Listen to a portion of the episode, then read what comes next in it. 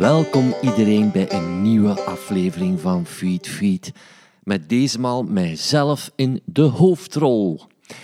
De coronamaatregelen zorgden ervoor dat ik geen gast te pakken kon krijgen. Dus te zeggen, ik kon dat natuurlijk wel via een online gesprek doen. Maar ik bedacht dat de charme van de wandeling dan toch wel volledig zou wegvallen. En uh, ik ging tijdens deze periode regelmatig met de fiets naar het Stropersbos in Sint-Gilles-Waas, een bos waar ik veel kwam als kind. En ik zag daar een aantal vogels die meer dan de moeite waard waren om te bespreken. Maar vooraleer ik wil beginnen, nog eh, even melden dat ik een boek heb geschreven. En dat boek heet Feed Feed, de passie van het vogelkijken. En het komt uit op 3 juni in Vlaanderen en Nederland. Er staan illustraties in van Brechtje van der Tol, en dat is een vriendin uit Den Bosch die prachtige tekeningen maakte speciaal voor het boek. En in dat boek verken ik de wereld van de vogels, maar ook die van de vogelaar. En ik hoop u deelgenoot te maken van mijn ervaringen en passie. Het is een boek geworden vol verwondering en ehm, de QR-codes van al de afleveringen van Feed Feed staan er ook nog eens in. Dus tijd om alles nog eens te herbeluisteren. Het is een beetje alsof ik een geboorteaankondiging doe. Enkel het uh, doopsuiker ontbreekt nog. En in Nederland zou dat dan beschuit met muisjes moeten zijn, denk ik. Maar goed, allen naar de boekhandel. Anderhalve meter tussen laten en het boek is van u. En wil je meer info hierover? Wel, volg dan doodeenvoudig de Facebookpagina van FeedFeed, het Twitter-account van Begijn Bleu of Instagram-account. En dan weet je snel meer.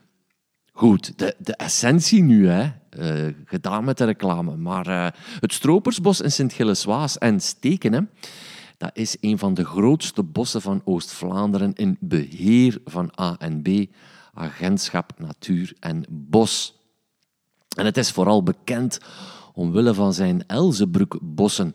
En dat soort bossen heeft nood aan uh, kwelwater. Dat is grondwater dat aan de oppervlakte komt uh, onder een bepaalde druk. En in de middeleeuwen had men daar greppels uh, gemaakt, gegraven, evenwijdig met elkaar, om het water netjes te laten afwateren. En op de grond die dan uh, uit de grempels kwam, uh, daar werden ruggen van gemaakt waar bomen op geplant werden. En die bomen werden gebruikt voor bijvoorbeeld de mijnbouw. Uh, grove den was zo'n soort die men daarvoor gebruikte. En men spreekte toen, men sprak toen, pardon, en men spreekt nu nog altijd van bomenakkers. Hè. Um, de onderste takken werden vaak ook gebruikt voor spaken van wielen enzovoort. Uh, en het, het, vocht en het, het, typische biotoop dat daardoor ontstaat, of het habitat, dat zorgt voor een specifieke plantensoort, um, zoals waterviolier of zeggen. En dus, zoals ik al zei, die elzen. Hè. Je kent die boom misschien wel van die vruchten die later zo wat van die zwarte propjes lijken. Maar de laatste jaren droogde dat bos meer en meer uit.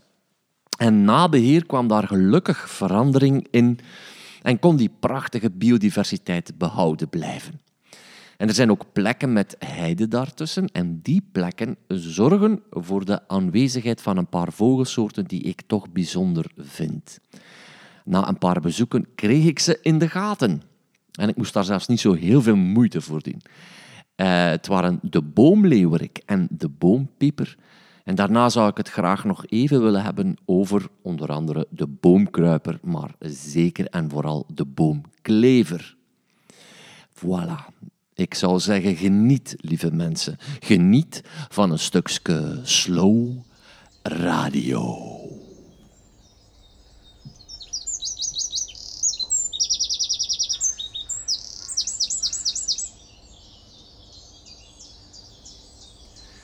Ja, ik heb veel herinneringen aan het Stropersbos, omdat ik er als kind elke week kwam. En um, even situeren, het, het, bos ligt vlak bij de grens met Nederland. En het uh, Belgische dorp dat ernaast ligt is Sint-Gilles, maar ook Stekenen. Daar loopt dat bos dus ook door. En er is een baan door het bos getrokken. Hoe kan het ook anders in ons kleine landje? En dat is de baan Sint-Niklaas Hulst. Maar uh, ja, er werd dus gestroopt. En misschien werd er ook wel via dit bos veel gesmokkeld. Want daar doen in de gemeente Stekenen de wildste verhalen uh, de ronde over. En het meest beruchte verhaal is een uh, smokkelverhaal van een koe die ze op de achterbank van een auto hadden gezet, opgetuigd als een vrouw. Ja, en ondertussen denk ik dat dat wel een broodje aapverhaal is geworden, maar de bron zou dus wel degelijk uh, Stekenen zijn. En dat is mijn geboortedorp waar de mensen in de volksmond ook wel eens messenvechters genoemd worden. Ja, ik vind dat nog altijd een machtige gemeente met een aantal eigenheden waar je eigenlijk beter niet aankomt. Ook uh, een gemeente met een serieus oorlogsverleden. Enfin, um, je hebt Stekende Dorp en dan heb je parochie Hellestraat en de parochie De Polken of de wijk De Polken, of wat ook mogen zijn. Maar dat zijn buurten die je beter niet met elkaar verwart, want die zijn heel moeilijk te verenigen. Uh, nogmaals, die hebben hun eigenheid. Maar dat vind ik ook juist het leuke daaraan. Dat, dat oer-Vlaamse vind je daar nog terug. En ik kwam van de parochie Hellestraat en dat was dus niet ver van het Stropersbos. En ik herinner mij nog dat mijn buurjongen en ik getipt waren omtrent een nest van een wespendief dat daar zou zijn. En ik spreek eind de jaren zeventig en een wespendief spreekt nu al tot de verbeelding, maar toen al helemaal natuurlijk. Dat was in ons ogen een fenomenaal gebeuren. Maar je moet weten dat dat bos 300 hectare groot is. Dus uh, waar moesten wij precies beginnen zoeken? Uh, maar goed, op een gegeven ogenblik hadden wij dat toch wel gevonden, zeker. En het, uh, het uh, lag eigenlijk vlakbij zo'n wandelgang, hoog in een beukenboom. En uh, daar zagen wij het horst, hè, de horst van een wespendief. Ja, en dat zijn momenten die u nooit vergeet. Hè. Hart, als, als je vogelkijker bent, weet je nu precies wat ik bedoel. Je hart gaat er echt sneller van slaan. En ik weet nog dat ik toen al diersporen verzamelde. En onderaan de boom waar het nest uh, was, daar lagen voedselresten. Maar ook wespenraten. Hè, want wie trouw luistert, weet ondertussen nu wel al dat wespendieven zich voeden met de larven van uh, wespen. En ik kon toen mijn ogen niet geloven. Toen ik die raten vond. Uh, ik heb ze nog altijd trouwens. Voor mij was dat onvoorstelbaar dat een roofvogel effectief op zoek ging naar wespennesten en dat opat. En... Een vriend van mij heeft trouwens ooit gezien hoe een wespendief zo'n nest open legde met zijn poten. En hij zei dat ze op dat moment eigenlijk vrij kwetsbaar zijn. Ze staan echt zo ja, open en bloot, moet ik uh, zeggen. Uh, staan daar echt als een soort kip eigenlijk wat te graven in de grond. Tot het nest bloot ligt en zij hun slag kunnen slaan. En trouwens, uh, wespendieven kunnen naar het schijnt aardig uh, al stappend wat afstand afleggen. Um, een soort die dat ook kan en waar dat nauwelijks van geweten is, is naar het schijnt de havik. Dat weet ik van Ben Cox. En onder de uilen zijn bijvoorbeeld steenuilen. Steenuilen zijn eigenlijk wel beduchte stappertjes. Allemaal in functie van een prooi natuurlijk. Bijvoorbeeld de havik is een, eh, een doorzetter die een prooi kan achtervolgen in een bos en dus uh, vliegensvlug uh, obstakels kan ontwijken. Maar vanaf het moment dat zelfs dat niet meer lukt, zou die zelf stappend zijn prooi achterna kunnen zitten. En die wespendief doet dat natuurlijk in functie van de wespennesten te zoeken. Um, ja, het is natuurlijk een beeld, dat stappen van een roofvogel, dat, dat niet zo in ons collectief gedachte uh, speelt, omdat we ze op een paaltje zien of al vliegend maar goed, om terug te komen op die wespendief. Uh, het is sowieso een bijzondere skill van die roofvogel om een wespennest te kunnen lokaliseren. Door doodgewoon waarschijnlijk een wesp te volgen tot aan haar nest. Mm. En de wespendieven komen trouwens nu, het is nu, op dit moment is het 13 mei, en ze komen toe in ons land. Als je mijn Twitter-account bekijkt, zul je zien dat ik daar een uh, tweet heb geretweet van Philip Verbelen die de wespendieven in de gaten houdt. En had deze week een eerste exemplaar gespot. Ja. Dat lijkt voor sommige mensen misschien wel wat laat dat ze hier arriveren, maar alles staat in functie van hun prooi, de wesp, die er ook pas later is. Maar het was toen, eind de jaren 70, een voorrecht om van relatief dichtbij een wespedieve koppel te kunnen zien met die jongen erbij. Dat was echt fantastisch met dat mooie blauwe duivenkopje dat ze hebben. We hadden daar trouwens een perfecte positie gevonden om te kijken. En werden ook op een gegeven moment op onze vingers getikt door zo'n donkergroene jongen die vond dat wij moesten opkrassen. Uh, terwijl wij op dat moment misschien de enige tieners waren in onze gemeente die geïnteresseerd waren in vogels. Maar laat ons eerlijk zijn, op dat moment uh, werd er ook nog behoorlijk gejaagd op bijvoorbeeld houtsnip. Die jacht lag nog volledig open. Dus misschien had die mens daar ook wel heel wat reden toe.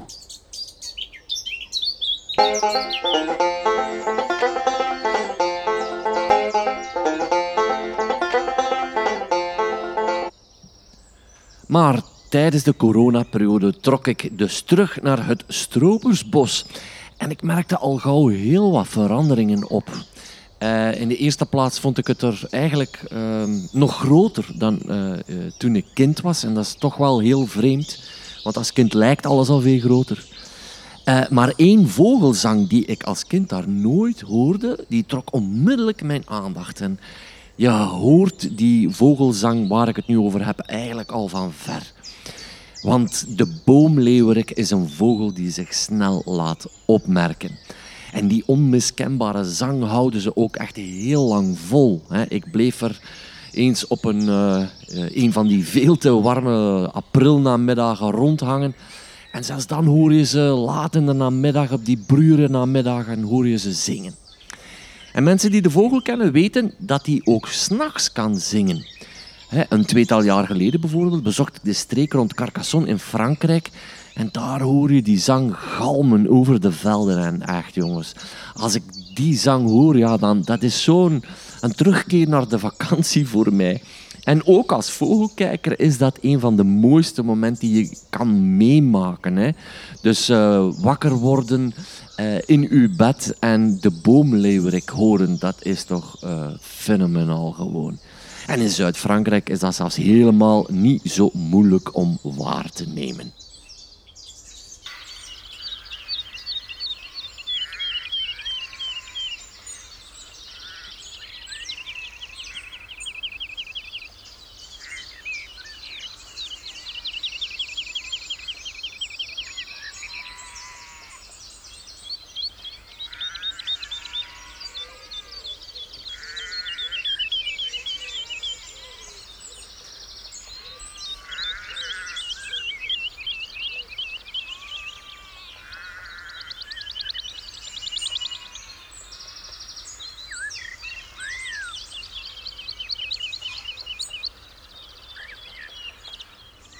En ik zag de vogel in zijn typische habitat.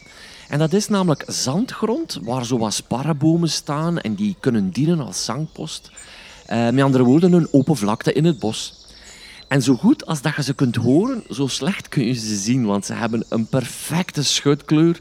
Het is eigenlijk een beetje een saaie kleur, maar goed, uh, die hebben ze nodig om in dat habitat te overleven. Hè. Ik zag ze ook op zo'n vlakte in een bos van het Zwin in Knokken, samen met Wouter van Veits. Je zou het niet denken dat ze dat hebben in het Zwin, hè? want als je aan het Zwin denkt, dan denk je aan water. Maar het Zwin heeft wel degelijk bossen waar die boomleeuwerik uh, ook voorkomt. Je ziet ze daar dan op de grond zitten met een kopjes knikkend en zo wat um, nerdy schuifelend tussen het gras, schichtig voorbewegen. En ik zag ze natuurlijk ook in Averbode Bos en Hei. Hè. Je moet er dan de aflevering met Koen Leijsen maar eens eventjes bij halen. Maar die boomleeuwerik is dus een vogel die veel op de grond vertoeft. Dat is een uh, grondbroeder en die doet ook typische zangvluchten. Uh, alle leeuweriken uh, doen dat. We hebben het daar ook over gehad met Wouter toen we de strandleeuwerik zagen. Maar naast het feit dat het een lichtbruine vogel is en dus, zoals ik al zei, saai, heeft hij uh, wel degelijk een kenmerk dat hem onderscheidt van andere leeuweriken. hij heeft namelijk wenkbrauwstrepen. Die, die wenkbrauwstrepen die lopen door en komen samen tot een V op het achterhoofd. En dat is toch iets dat je heel duidelijk ziet wanneer je de vogel kunt spotten. En dat kenmerk in combinatie met een vrij kort staartje, ja, dat maakt toch dat die twee kenmerken heeft waar je de soort aan kunt herkennen. Maar uiteindelijk uh, is het toch weer de onweerstaanbare zang uh, en het uh, typische habitat misschien ook wel, dat de doorslag geeft om de boomleeuwerik te herkennen. En het verrast u misschien niet, maar het is een soort die het meest voorkomt in de Kempen. Hè. dat valt ook niet te verbazen met de heidegrond daar. Ehm, maar je komt dat dus ook tegen in het Stropersbos. Hè. Daar staan ook naalbossen. En wanneer je daar dus uh, tussen loopt, en nogmaals, het is goed weer. Ah, jongens, die, die geur van die dennenbomen, die zoete geur dat die verspreiden, dat is echt wel fantastisch. En uh, opmerkelijk is dat door het heidebeheer in te lassen in het Stropersbos, ja, de soort dus ook echt aan te trekken is. Hè. Ik ben benieuwd hoe de vogel het eigenlijk in heel Vlaanderen doet. Het is niet zo'n een, een veelgetelde vogel, uh, maar laat zich ook snel tellen omdat hij goed zingt. Maar de vogelatlas, de nieuwe, zal uitkomen rond 2025. De tellingen zijn gestart, dus ik ben benieuwd naar de resultaten. Maar goed, de boomleeuwerik in het Stropersbos. En als je mijn ontmoeting met de vogel wilt zien, dan moet je even kijken op mijn YouTube-kanaal Feed Feed. En daar zie je het typische habitat van de vogel. En de vogel zelf natuurlijk. Het zijn beelden van Rudy Baatslee die die vogels mooi in beeld kan brengen. En uh, vermelde zwaard hiermee in verband is, is uh, dat er onlangs een brand is geweest in het natuurgebied De Liereman in Oud-Turnhout. En ja, dat is natuurlijk een verlies. Maar om te bewijzen dat de natuur zich ook kan herstellen, is het misschien goed om weten dat vogels zoals de boomleeuwerik kunnen profiteren van een bosbrand. Um, er was ooit een brand op de Kalmthoutse heide in 1996, heb ik getraceerd in de laatste vogelatlas. En drie jaar na die bosbrand, hou u vast, werden er meer boomleeuweriken geteld dan voor de brand. Waarschijnlijk omdat er natuurlijk vlakte bij kwam en de vegetatie echt goed werd voor die soort. En men telde daar 25 broedparen voor en 47 broedparen na de brand. En dat zijn tellingen die gebeurden, heb ik uh, gelezen, door een zekere Van Hekken en Leijsen. En mijn kop eraf als dat, dat uh, Koen Leijsen niet zou zijn die mee aan de basis staat voor die tellingen. Maar je ziet dus dat, uh, wel, hoe moet ik dat zeggen? Hè? In de natuur is de ene zijn dood, de andere zijn brood.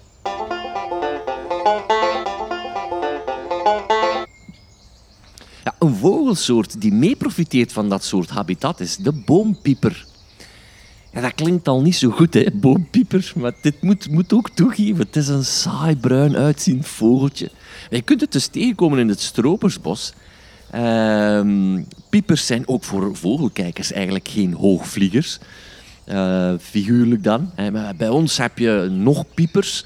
Uh, graspieper, boompieper, oeverpieper uh, en duinpieper. Dat is wel een doortrekker hier. Ehm, ik vertel er straks nog wel wat meer over. Maar piepers, voor de mensen die het vogeltje of de soort niet kennen, ja, dat zijn vrij kleine zangvogels met een lange staart, spitse snavel en ook weer zo wat bruinig, zoals die boomleeuwerik. Een schutkleur dus. Hè. En dat komt hen echt van pas in dat habitat. Uiterlijk hou je die eigenlijk ook wel moeilijk uit elkaar. En dan heb ik het over graspieper en boompieper. Maar daar ook zit uh, de zang gelukkig voor iets tussen om een oplossing te bieden. Um, gras en boompieper hebben een andere zang. Ja. En bovendien is ook het habitat anders. Uh, net als de boomleeuwerik vertoeven boompiepers op zandige, drogere gronden of zelfs kaalslag. En graspiepers die komen uh, eerder voor in onder andere weiden op vochtige gronden.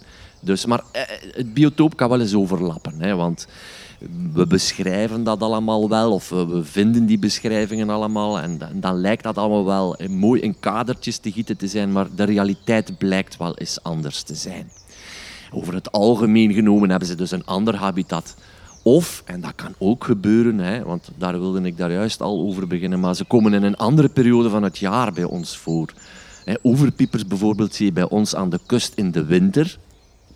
En uh, duinpieper is dus een uh, doortrekker, ook, ook geen regelmatige doortrekker. Het is een zeldzaam vogeltje uh, en zeker als broedvogel. Nu, als dit te saai wordt voor sommige mensen, wil ik er nog graag een leuk weetje tussen plaatsen. iets dat ik gevonden heb, dat is dat er in 1944 een film uitkwam die Tony Pippet heette. En Tony Pippet, dat is de Engelse naam voor duinpieper. Uh, die film, dat is een Britse oorlogsfilm en die vertelt hoe de inwoners van een klein dorpje samenwerken wanneer het nest van de toen al zeldzame duinpieper wordt ontdekt. En uh, leuk is dat je heel die film kunt bekijken op YouTube. Het duurt ongeveer zo'n 75 minuten. Het staat er integraal op, zwart-wit. Dus ook weer even saai misschien als het vogeltje zelf. Maar het, het grappige is nu dat ze voor de film ook nooit een duinpieper lieten zien, maar een graspieper. Omdat die toen al meer voorkwam. En uh, ik denk dat heel wat uh, vogelkijkers de film nu al aan het verketteren zijn. Want dat, dat, dat, dat ja, dat, dat, is echt een clash in onze kop gewoon. Hè. Je kan het niet maken om over de duinpieper te spreken en dan een graspieper te tonen. Um, maar ik, ik zou je daar heel graag een stukje van willen laten horen, want ik heb daar een stukje van opgenomen. En ik vind het echt onwaarschijnlijk dat er een film bestaat over piepers. Juist omdat ik het nu al een paar keer gezegd heb, omdat het niet de meest uh, frivole vogel is die we kennen. Hè. Maar dit is een stukje uit de film waar een lokale onderwijzeres de kinderen de namen aanleert van bijvoorbeeld de meadow pipit of de graspieper, de tree pipit of de boompieper en de rock pipit of de oeverpieper. Ze heeft er nog een aantal, maar bon. Dit is het fragment. Now I want you to call out the names of all the pipits whilst I write them down. Meadow pipit. Tree pipit. Rock, rock pipit.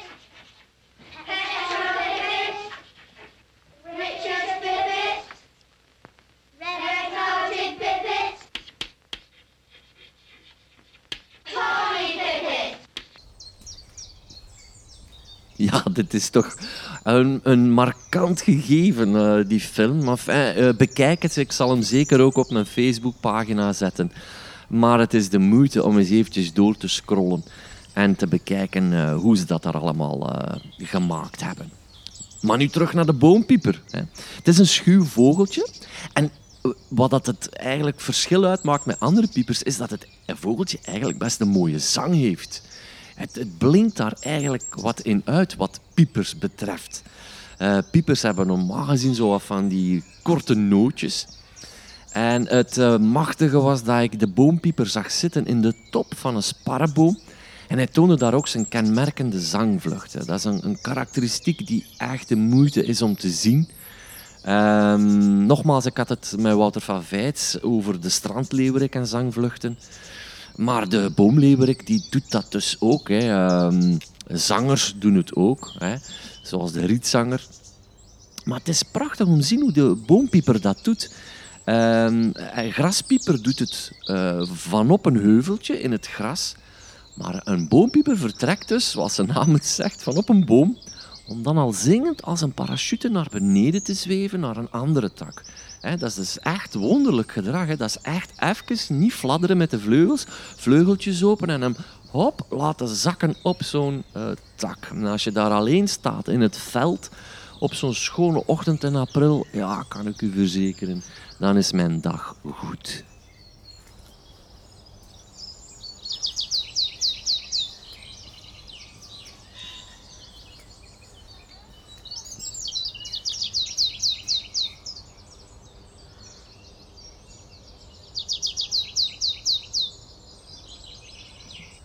Wat opvalt wanneer je het Stropersbos eh, binnenstapt en wat echt de moeite is voor vogelkijkers, is dat je daar veel spechten hoort. En niet alleen de veel voorkomende grote bonte specht of groene specht, maar ook de middelste bonte specht en zelfs de zwarte specht, die voor veel vogelkijkers een iconische soort is. De opmars van heel wat spechten komt omdat veel spechtensoorten profiteren van de ouder wordende bossen in onze kontrijen.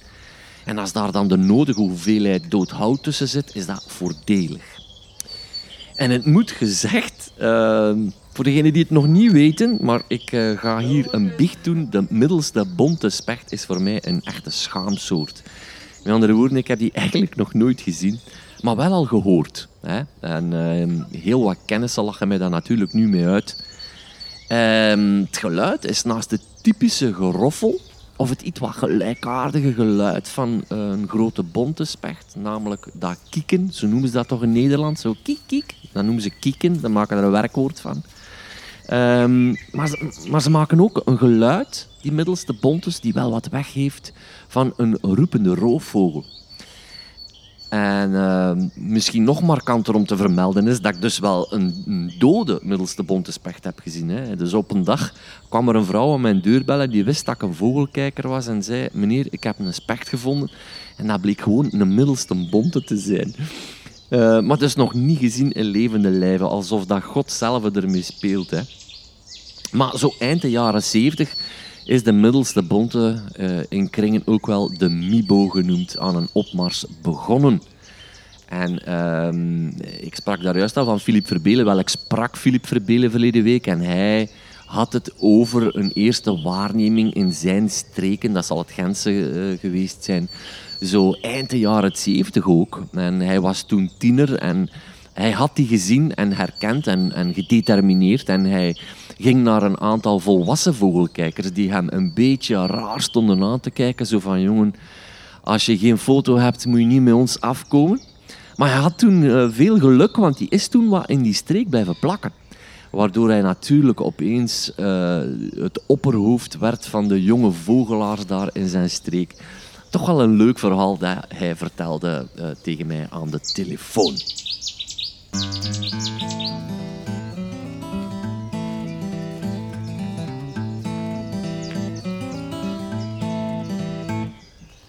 Nou, ik wandel nu weer al een tijdje in het Stropersbos, sinds een paar weken. En wat mij opvalt is dat ik geen boomklevers hoor. Nochtans lijkt me dat echt habitat voor de boomklever. Er staan oude loofbossen met beuk en eik. En uh, het is een soort die zelfs op sommige plaatsen een tuinsoort aan het worden is. Een aantal jaren geleden hoorde ik hem hier in mijn woonplaats. Dat is zo'n 15 kilometer verwijderd van Stropersbos. Maar nu ben ik hem uit het oog, maar vooral uit het oor verloren. Hè? Want de roep van een boomklever is onmiddellijk herkenbaar.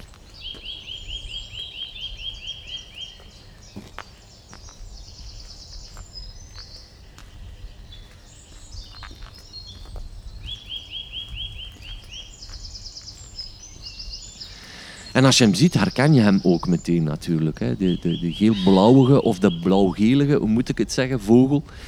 Die zowel naar boven en uh, beneden kan kruipen. Hè. Vandaar zijn naam, boomklever. Houdt uh, een beetje het midden tussen een specht en een mees, vind ik. Eet zowel dierlijk als plantaardig voedsel. Veel ongewervelden, vliegen, kevers. In de winter eet hij Vooral beukennoten en hazelnoten, uh, zaden horen daar ook bij. En daar legt hij voorraden van aan, hè, van die noten. Uh, het is een standvogel die bekend is omwille van het feit dat die oude spechtenholen tot de juiste diameter met wat speeksel en aarde kan dichtmetselen. En in die zin las ik op de site van Natuurpunt dat halsbandparkieten concurrenten zouden zijn van boomklevers, omdat uh, ook zij de oude holen van grote bonte spechten inspecteren en inpalmen. En zij doet dat eigenlijk al veel vroeger dan die uh, boomklevers, namelijk al vanaf november, alstublieft. Terwijl boomklevers dat eigenlijk doen vanaf maart, waardoor die laatste zich dus genoodzaakt ziet een ander broedareaal te zoeken.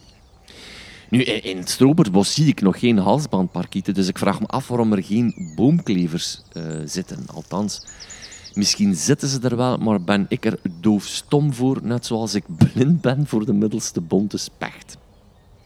Um, iemand die veel weet over de ecologie van boomklevers is trouwens professor Matthijssen, die daar ook een boek over schreef. The Nuthatches, de Engelse naam voor dit prachtig vogeltje. Het is net als Philip Verbelen iemand die op mijn verlanglijstje staat om te mogen interviewen. En Erik Matthijssen heeft het in dat boek, naar het schijnt, want ik heb dat boek niet, uh, over andere soorten boomklevers. Eentje daarvan is de Turkse boomklever. En ik had het voorrecht deze te zien in Georgië. Dat is een kleinere soort boomklever met een opvallende roodbruine vlek op de borst. Maar helaas, pindakaas, geen middelste bonte specht gezien. Nee, nee.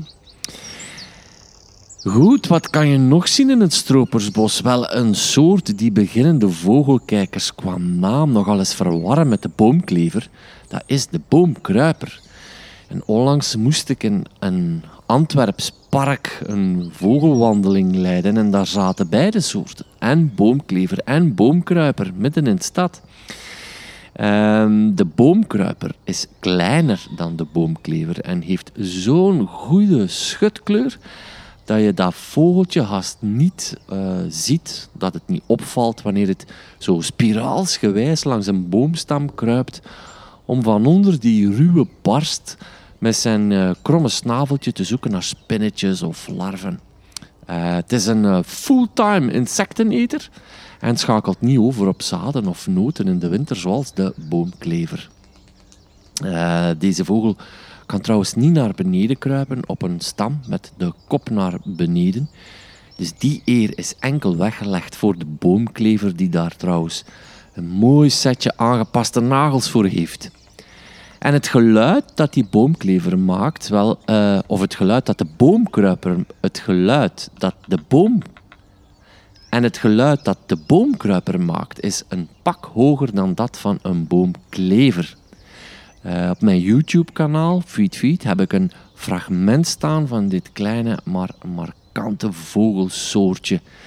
Dat je soms pas na lang zoeken kan opmerken tegen de stam van een boom. Het, is haast een spelletje dat je ervan kunt maken. Wanneer je ze hoort, hè, soms vallen die hoge roepjes van de vogel je niet op, maar tot je even blijft staan en plots merk je er een tiental op hè, van die hoge, schelle roepjes. En uh, ja, dan, dan moet je ze maar eens proberen te zoeken. Uh, je maakt het soms ook mee met goudhaantjes. Die zitten dan in de toppen van de kruinen van de naalbomen. Een soortgelijk fenomeen een beetje, maar het zijn totaal andere soorten. En verder zie je in het stropersbos bossoorten zoals kuifmees, zwartkop, roodborst, tjiftjaf, winterkoning, vink, goudhaan, zoals ik daar juist al zei. Uh, dat zijn allemaal evidente soorten, maar het leuke is wel dat je in een bos meer beroep moet doen op de roep of zang van een vogel. En dus op die manier uw skills wat dat betreft goed kunt bijschaven. Tegenwoordig zijn er leuke apps in de aanbieding. En uh, ja, mijn techniek is gewoon luisteren, kijken en uh, proberen te achterhalen welke roep of zang ik hoor. En je leert op die manier heel veel bij. En als je dan nog eens iemand meeneemt die er wat meer van kent, ja, dan ga je echt in een pijlsnel tempo vooruit qua herkenning.